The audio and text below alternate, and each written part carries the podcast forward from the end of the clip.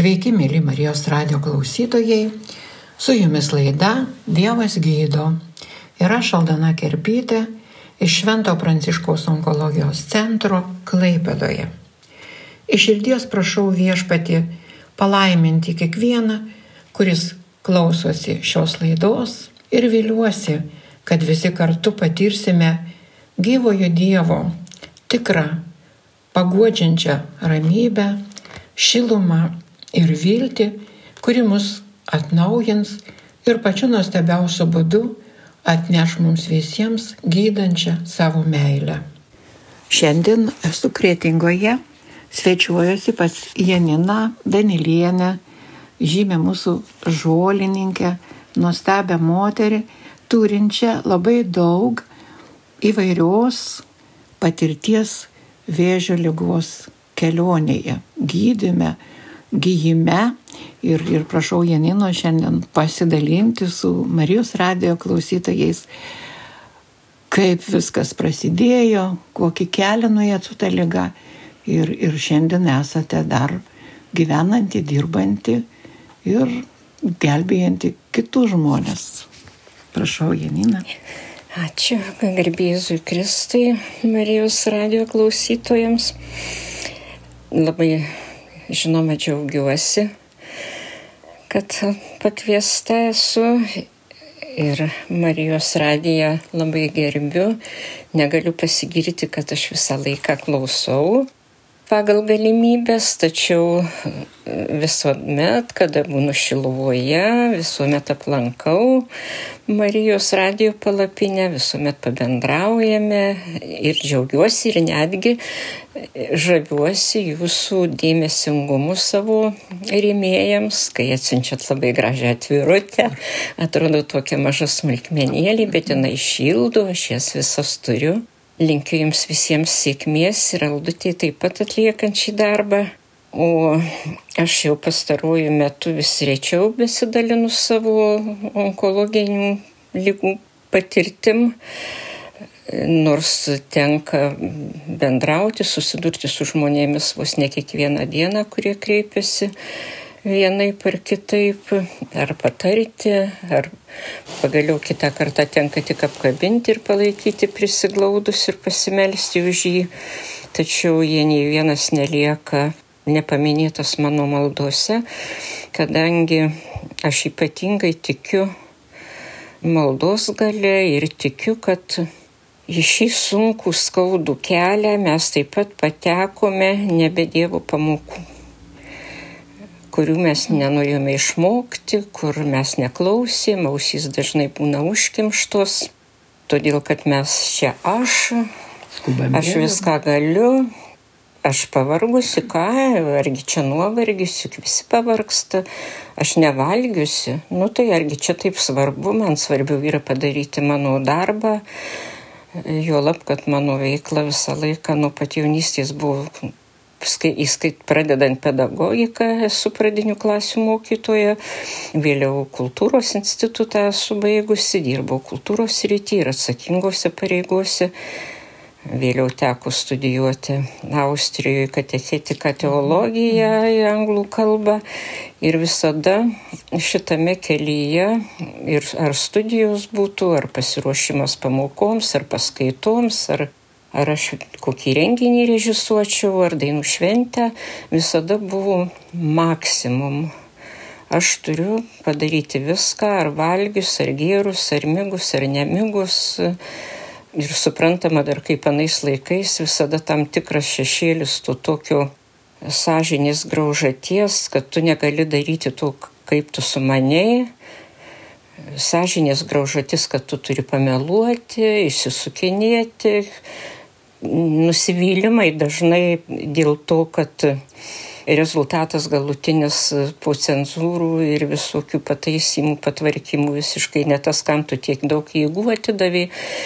Ir aš visada labai giliai imdavau širdį. Kažkaip visi ragina, argi čia verta dėl to krimstis ar kaip, sakau, kaipgi aš čia tiek įdėjau, tiek vilčių turėjau, kad bus tas atlikta. Ir žinoma, šeimoje nelengvas gyvenimas buvo, kadangi visų visuomenininkių moterų dalia tokia, kad lieka vyras Namuose. nuo šaly, ir vyras lieka nuo šaly ir lieka laukti. Vaikai lieka laukti, laukti, laukti, kada mamytė grįš iš darbo visada kalnai raštų, knygų ant stalo, vaikai patys pamokas ruošia. Tai laimė, ačiū Dievui, kad jie pareigingi ir stropus buvo ir, ir su Dievo pagalba iš, išsiauklėjo gerai, kai sako, va, mamytė gerai išauklėjai, Tai aš sakau, jau tikrai ne mano nuopelnas, tikrai viešpats matė, matyt, kad e, aš... Ir savo... gražus darbai, ir geri taip, norai. Taip, todėl blogo, taip, ne? nes galbūt ir mano tas darbas, bet kaip sako, ir pragaras gerais darbais grįstas yra toks posakis. Ir aš tik tai vėliau, kada aš mokykloje Kaune, pavad, dirbau vis, Kauno arkiviskupijoje tuo metu, jaunimo reikalų koordinatorė, ten taip įvardinta pareigum buvau viskupo Tamkevičius referentė jaunimo reikalams po studijų Austrijoje ir vadovau mokytoje mokykloje vidurinėje katechetiką dėšiu tikybą, mhm. kaip tada dar labai mažai tikybos mokytojų buvo, vaikam mhm. dar dzin tos pamokos, neįsivaizdavo niekas, kaip tas turėtų atrodyti, tai buvo 92 metai. Ir prieš klasę susiriečiau į kamuoliuką iš baisaus skausmo vaikai dar klykė lyg juokėsi, jos paėmė juokas, galvoja, kad aš čia kokį spektakliuką jiems su, sukūriau ir taip atsidūriau ligoninėje ir po ilgų, ilgų tyrimų. Ačiū gydytojai Elenai Lukaševičianiai, kuri gastroenterologiai, kuri užsispyrusi kantriai per visus kabinetus vedė. O aš šaukiu, neturiu laiko, man reikia tam, aš turiu tą, aš turiu trečią. Ir gale rezime kolonoskopijos buvau pirmoji, viena iš pirmųjų pacienčių, kur gavo klinikos tą aparatą ir sako, brangioji radybų, didelių radybų. Ir taip ketvirta stadija.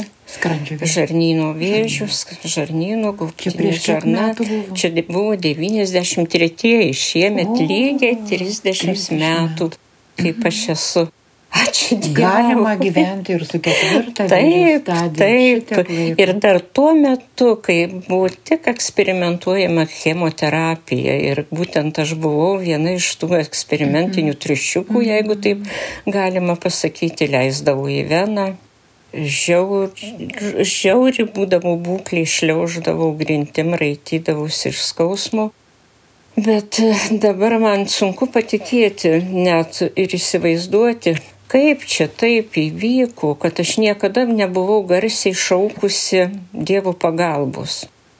Kaip tai senais laikais, mhm. suprantama, mhm. kas gyveno, gyveno širdyje, šeima buvo tikinti, močiutė visada sakydavo, kai mama mane bardavo, sakydavo, sakytų, čia neveidmainiauk, komunistė, peklui sudegsi, mama supykusi, kad aš į bažnyčią neinu. O močiutė sakydavo, nesibark, aš melžiuosi už ją kasdien, taigi praras darbą. Ir dabar čia ligoniniai staiga per šitos visus skausmus, kai raitydavausi, kaulai roda be palikę. Ir šaukdavau, Dieve, aš taip noriu, tu tikrai esi. Tu neleisi man numirti, nes aš noriu dukros sulaukti iš Amerikos studijų, teologiją studijavo. E, taip, sunaus buvo du maži vaikai. Taip aš noriu, kad jie užauktų, juos pamatyti. pamatyti. Ir va taip atsirado malda savai žodžiais, nes nepajėgdavau maldos iškalbėti tėvę mūsų ar kurios nors, bet visada pasigailėk viešpatie kalta esu, leisk man gyventi, aš tikiu, aš turiu gyventi, bet aš ir tikiu, kad aš gyvensiu. Ir visas tas e, susitelkimas mane paruošė tam, kad aš užsispyriau tiesiog kad man neštų vietoj valgių, kuriuo aš negaliu valgyti, visi mano lankytojai, o lankė tikrai iš visos Lietuvos, mhm. nes buvau žinomas žmogus iš, iš rajonų, visi draugai, nežinojau net kokių skanėstų mhm. nešti, net ir draugai to vidutė tokie šaltieniai, dailininkai, net indų specialius nupirko, kad man garintą maistą padarytų, bet kiekgi aš nurijau porą kasnelių ir viskas atgalios išvažiuoja. Ir aš tada sakau, neškit man knygas apie sveiką gyvenseną, tada Ksavera Vaištarienė ant bangus buvo, tada žurnalai jau ėjo ten sveikata šeimininkė ir visur pradėjau nešti knygas, ten ir Bolotovas, tada ir Malovičko šlapumo gydymo metodikos visos. Ir palatoje ant palangių visur buvo prikrauta knygų ir seselė sakydavo, Nu, einam pas Janiną į biblioteką. Taip, ir mano išbraukyta, aš ir turiu tų knygų ir tų sasivinių, kur mano prirašyta. Ir aš rinkausi ir apsisprendžiau, kad kai aš išeisiu, Dievas duos iš ligoninės, aš gyvensiu sveikai. Aš valgysiu teisingai maistą gaminsiu.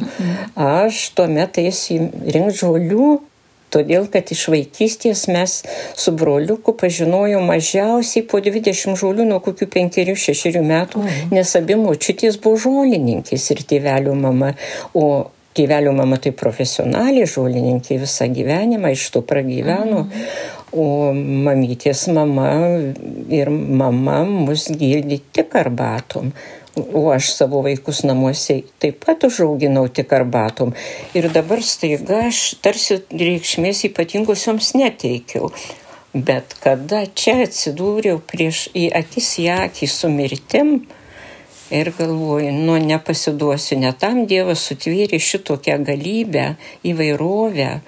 Šitiek yra prirašyta, dar tuomet apie pabrėžą Jurgį Ambrazijų nežinojom, bet vėliau, kai aš sužinojau, kad jau taip seniai žmogus, būdamas vienuolis, kunigas, studijavo biologiją, mokėsi. O kas man trukdo? Šitiek visko prisimokslinus, o nežinau paprasčiausių dalykų, kaip pasigydyti save. Ir man šitame visame, šitoje toj skaudžioje istorijoje, pats svarbiausias buvo dalykas, kad ne vienos minutės aš negalvojau, kad mirsiu aš gal užrūstinau mirtį ir jinai atsitraukė, galvoju, nes e, kažkokias toks kadangi ieškojau kelių, ieškojau būdų, kaip padėti gydytojam, visada buvau nuotaikoje, visi ateidavo, sako, nu, ateisi pasieninai palatą, tai išeisis linksmas ir, ir kokiu tai žinių pasisėmęs. Na, bet operacija buvo, chemoterapija. Taip, buvo, buvo ta vadinama raudonoji chemoterapija mhm. ir išpjūvė ten 21 ar 23 cm, tiesiog visą tą gaubtinę žarną. Bet tik tiek, kad išėjau skeletas jau kaulai rūda, gal 46 kg svėriau. Gal tikėjimo ir nebeturėjo, kad išgyvensit? E, tai tik aš tikėjau, tikėjau, tikėjau, kad šitiek aš išgyvensiu, sakiau, nors tos mėnesius, nors tos mėnesius. Bet kada, kadangi aš gyvenau mieste Kaune ketvirtame aukšte, o aš nepajėgiau užlipti net pirmo aukšto laiptų, o maži namuose nukėlė, kaip aš jų nepaimsiu ant rankų. Ir atėjo toks nušvitimas vienoje maldoje, tiesiog įgulos bažnyčia mane gydytoja mhm. su draugė tokia Leonora poetė nulydėjo įgulos bažnyčią, atsistojau savo veikprastiniai vietoj, bažnyčios centre kryžius toks išdėliotas mozaika. Atsiklaupiau ir negaliu atsistoti, pasruvau ašarom ir sakau viešpatie, kur tu mane, kur tu mane dabar dėsi tokia, kas iš manęs. Aš gal apie save galėsiu, bet ar aš galėsiu dirbti, ar aš galėsiu kam naudinga būti. Ir staiga ausyse man garsas želva, želva, želva. Jau želva tai tokia parapija, kurioje vieną kartą su gyvųjų akmenų bendruomenė, laukiant šventojo tėvo Jono Pauliaus antrojo, e, vedėme evangelizaciją ir apsilankiusi buvau vieną vienintelį kartą ir kažkaip labai paliko gilų įspūdį, tų žmonių maldingumas, didžiulis susitelkimas, kunigas kažkoks ypatingas ir, ir staiga girdžiu želumą. Ir draugiam sakau, vežkit mane į želumą. Ir taip aš išvažiavau su Naujųjų testamentu, su Sijonu vienu, dviem palaidinėm, draugės nuvežė ir paliko. Želvoju. Taip, želvoju. O klebonas sako, ten ieško man būsto, kur gyvent, sako, nu, va čia tokia va, numirt, susiruošė želvoju ir ieško kur gyvent, nu kas priimsit ją dabar. tai priimi vieni ūkininkai, už kurie ten daugiau už kaip kilometrų. Ir aš ne kaip nuėjau iki bažnyčią ir nuėjau šimtą metrų ir sėdžiu pakelį, jokių jėgų daugiau nebeturiu niekur eiti. Ir gavau klebūnas priglaus klebūnėjo, iškrausyti sandėlį, padaryti tai varguoliai, kurie atėjo čia numirti. Bet Dievas dovanojo man tokią laimę, kad aš kasdien galėjau būti bažnyčioj. Kasdien. Mhm. Stovėdavau už kolonus, pamenu, melsdavau ir raudodavau. Ir vienintelis buvo žodis - ačiū Dieve tau, ačiū, kad netėmė vilties, ačiū, kad tu man leidai prie tave prisiglaust. Aš taip melžiausi, aš dabar, kai pamenu, Dieve, duok man dabar taip melstis gal mane nebūtų ištikę vėliau vėl pasikartojantys tie dalykai, kadangi keturis kartus esu onkologiškai operuota, kas penkeri metai. Ne metastazai, bet būdavo e, savarankiški, nes tyri genetiškai, kad tai yra paveldas, nes mamytės pusėje visos tėtos, visos močiutės seserys onkologija.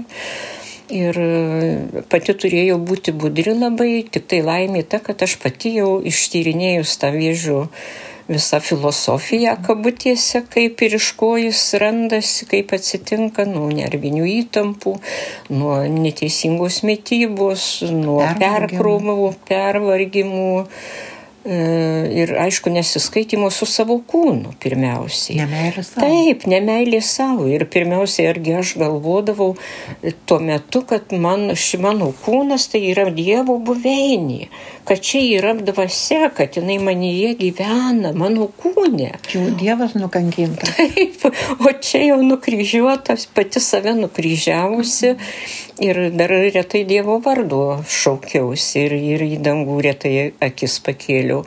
Ir netgi kartais užplūsdavo tokia mintis, kad tai man yra Dievo bausmė.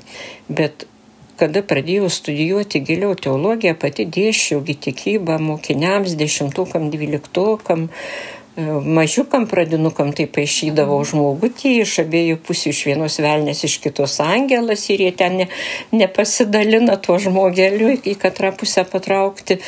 Bet aš gerai pati suvokiau, kad tai esu Dievo kūrinys ir jis mane myli. Jis man pamokas siunčia, jis man kušta jausį nuolat. Pailsėk. Tu, ko dabar čia įsitempus, argi verta čia dėl tokio nieko dabar draskytis? Tu dėl mano garbės, dėl tikėjimo gali pakovoti.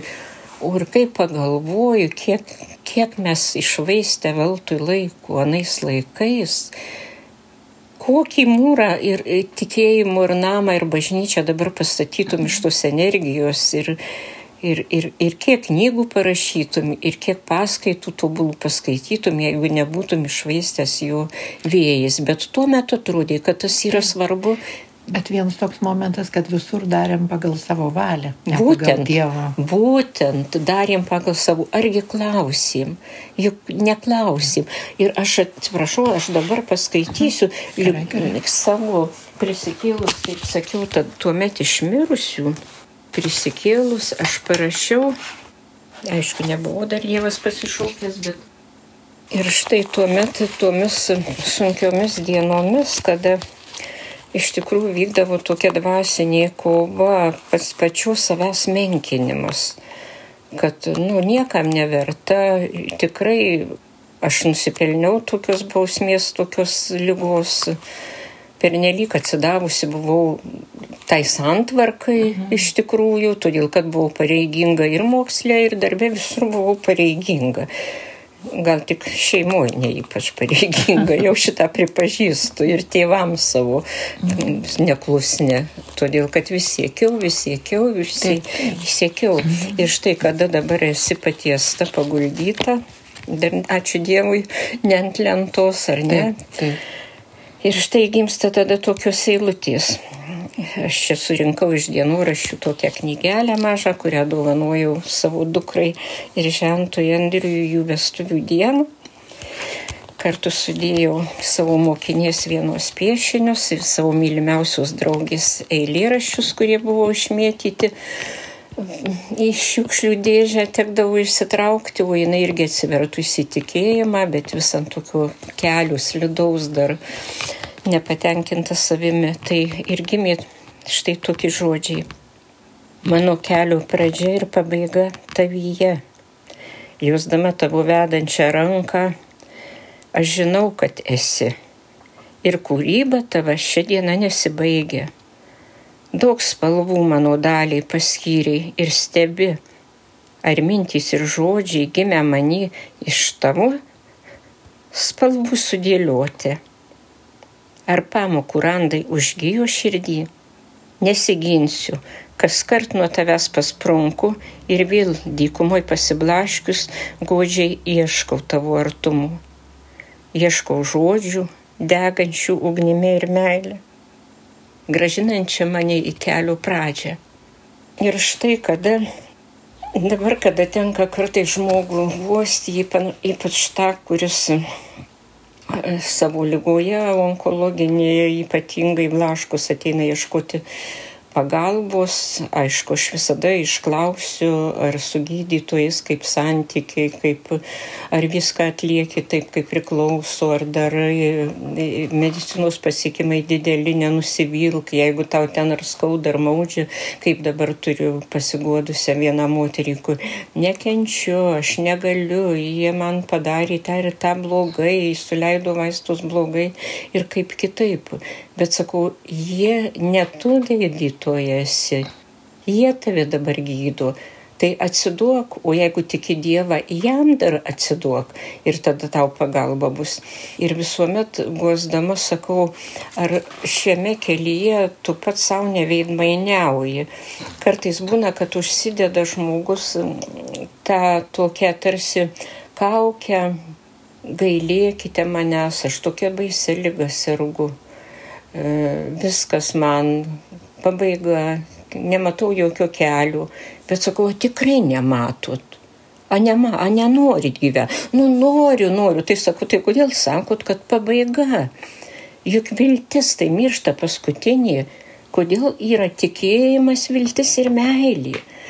Tai ir sakau, tai ar mylit save, kiek tai savo, negaliu, į ką aš panašus ten ar panašiai, į ką aš pavirtau.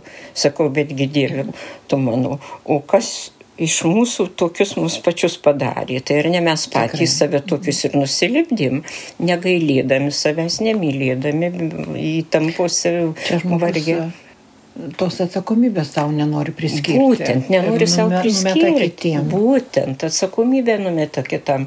Ir dar be to vienas dalykas visada paklausiu, ar nesinešiuojat pykčio ant širdį, ar nesinešiuojat kokio keršto. Juk dažnai būna šeimuose susipykę, su draugai susipykę, dėl turtų įsidraskę, e, ten prakeikę netgi vien, vieni kitus. Tai taip pat, kada bendrauju su žmogum, štai toks kreipiasi žmogus, visada aš jam skiriu daug laiko, visą save. Ir, ir, ir kai dabar aš jums kalbu ir pasakoju su jauduliu, virpuliu, todėl lygiai taip su kiekvienu žmogum, nes aš vėl savo biografiją atkartoju nuo pat pradžių. Ir liūdydamas savo gyvenimu, aš noriu tik vieno - palaikyti jo viltį. Todėl, kad aš ją turėjau ir ačiū Dievui aš esu štai kiek metų jis man dar davė, man tada buvo 43, o dabar 76 ir aš dar noriu gyventi. Ir dar dirbti, kur ir dirbti. Ir dar ką galiu tą veikiu. Aišku, mano jau galimybės mažėja, aš jau nesiblaškau po mugės, po didelės paskaitos, po bendruomenių renginius. Aš stengiuosi susikoncentruoti dabar ties tuo mažu, ką aš pajėgiau šiemet surinkti. Štai ištiko insultas žolinių dieną mm. vedant mhm. edukaciją. Mm visą rytą, lakš, nu jau rytėm į ankstyvasis mišes, lakščiau po pievas, rinkau mhm. žolės tai savo edukacijai bažnyčiai šventoriuje, įparėjau namo, susidėliuosiu tvarkingai tą žolytės ir čiukšt guliu. Ir aš čia tau, kad nori. Nu, kaip įdomu, nes kartais atrodo viską žinom, bet liktai vėl ant to pačio grėblio užlipam. Taip, čia grina tiesa. Juk argi aš nežinau, kad man be vandens geroko butelio išeiti negalima, kad aš ryte turėjau išgerti kraujospūdį mažinančią tabletę, nes jau ir į karštį, ir į žmonės, ir netrupinio brunių neturėjus, bet mano koncentracija visa buvo pagerbti šiandien Mariją, padaryti pačią gražiausią puoštą. Nunešiau pasisutęs Klarisės, padėjau po Marijos skultūros papėdę pasimelsti, surinkti ir dar atskleisti tų augalų svarbą ir grožį mūsų sveikatai iš parapijos, iš mišių išeinantiems žmonėms. Ir galvojam, kilnus mano tikslas. Taip, bet visam šitam kilnume aš nepamačiau, kad aš su aukštu kraujospūdžiu karštyje su savo praeities kraičiu iš, išsinešu visą tai į tuos kalnus laukus. Vėl ir visai dienai, ir be vandens. Ir šitame aš nemačiau šito Dievo kūrinio nuostabaus savo kūno, mhm. kur dabar aš taisausi pamažu ir ačiū Dievui, kaip jis man davė išbandymą, štai trys mėnesiai jau. Visada buvo toks troškimas gyventi, galbūt ir viltis, kad Dievas išgydys, kad Dievas padės ir duos tą gyvenimą. Žinot, bet niekada nenorėjot gyventi dėl savęs, vis tiek norėjot gyventi dėl kito ir dėl Dievo valios. Tai aš pirmų pirmiausiai negalvoju niekada apie save, kad aš dėl savęs turiu gyventi. Žinoma, labai norėjau, kad mano vaikai turėtų mažiau pergyvenimų dėl manęs. Mm kad aš matyčiau augančius anūkus. Mhm. Dabar jau turiu anūkų antrasias pusės ir tris provaikaičius. Oho.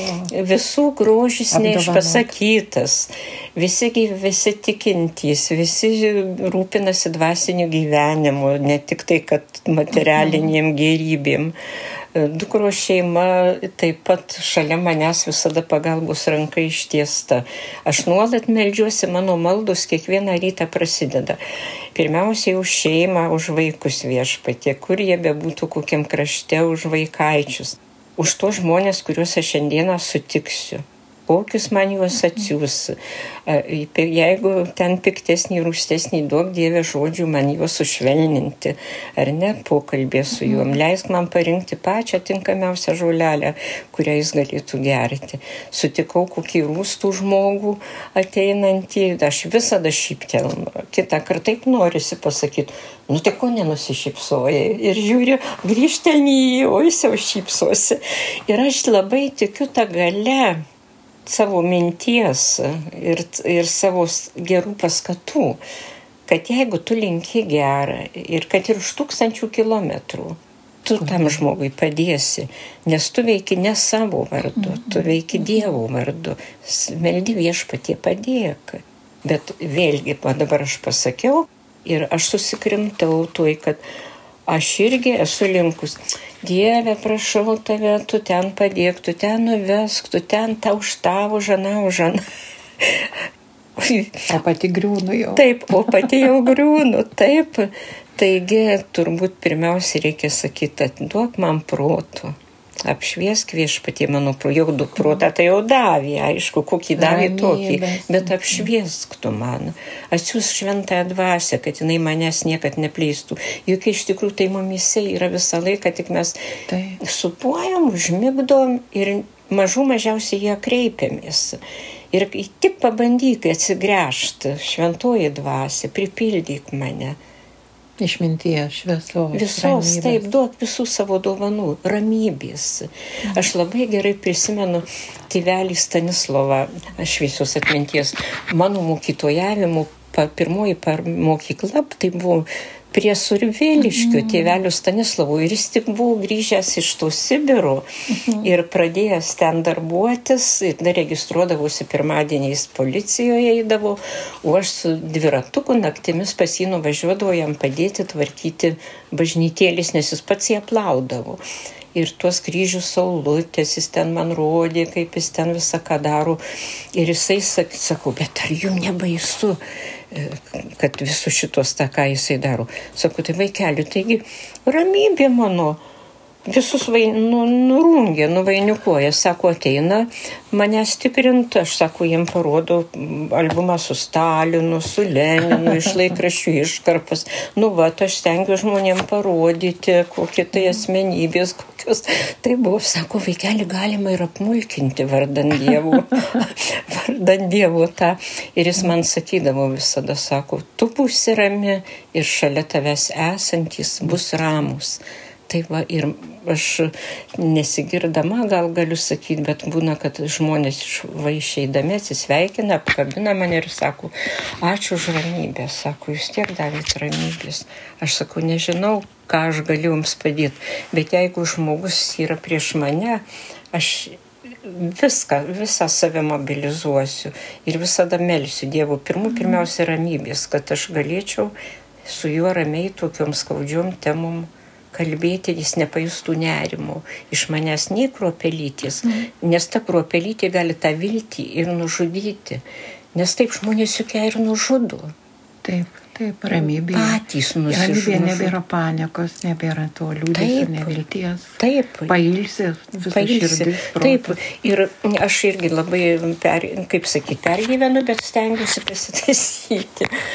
stengiuosi pasitaisyti dėl to, kad Aš labai retai kreipiuosi į Mariją, motiną Mariją.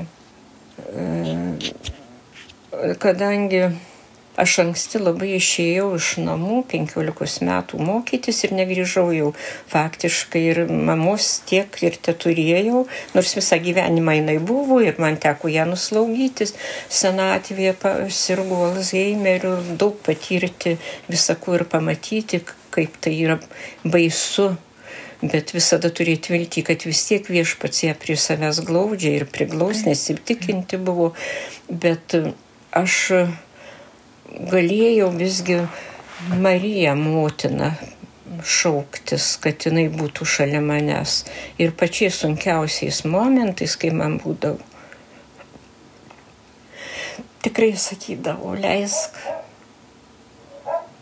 Marija prie tavęs prisiklausti, leisk bet jausdavausi kalta, kad aš taip retai paprašau, kad Marija leis prisiklausyti. Marija pati glaudžia. Mūsų laidelė jau baigėsi, tai dar Janina, ką norėtumėt palinkėti tie, kurie, tiems, kurie išgirdo diagnozę ir kurie bando mirti anksčiau laiko. Galbūt patys svarbiausiai dirstelti į save, pirmų, pirmų, pirmiausiai, dirstelti į savo širdį, kas joje dar ten yra. Yra vaikai, yra nukai, yra draugai, yra mylimas dar darbas, yra dar mylimos neperskaitytos knygos, o gal pradėjo dar pati ką rašyti, o dar gal kažką tai dar, dar, tai yra, reiškia, nu tai kaip aš galiu pavesti, kaip aš galiu pamesti, pasidrasink. Tu turi tą, ką pradėjai. O jeigu ir nepradėjai, tai dar kiek tau galimybių pradėti, ką tai naujo. Antra, gal šalia tave yra silpnesnių už tave šią minutę. Pasižvalgyk aplinkui ir tas, kuris yra silpnesnis, žiūrėk užkėlęs nuosi užrietęs, ar ne kapstus ir be rankų, ir be kojų, ir neregiai, ir negirdintys, ir kitų žmonių apleisti, o jie nori gyventi. O kodėl tu nenori? Savo užduok klausimą, kodėl, kodėl aš dabar viltį prapalaidojau, kodėl aš nenoriu, ar kad skauda, bet tik žinom, kad per skausmą mes galim daug darybių atkasti savyje linkiu būti stipriems, tausokit viltį, puoselėkit ją, mylėkit. Ir mylėkit. Ir save. Ir save, ne tik kitus. Ačiū, Janina, labai už nuostabų pokalbį, už gražų liūdėjimą. Ir supraskite žmonės, kurie tikrai nebeturit vilties, kad kada atrodo jau įkritai vos ne į kapo duobę, kad gali Dievas iš jos iškelti. Ir nu netgi tuo atveju, jeigu jo nepasveiksite, bet su viltimi keliauti į amžinybę. Padėk Dievė jums. Ačiū.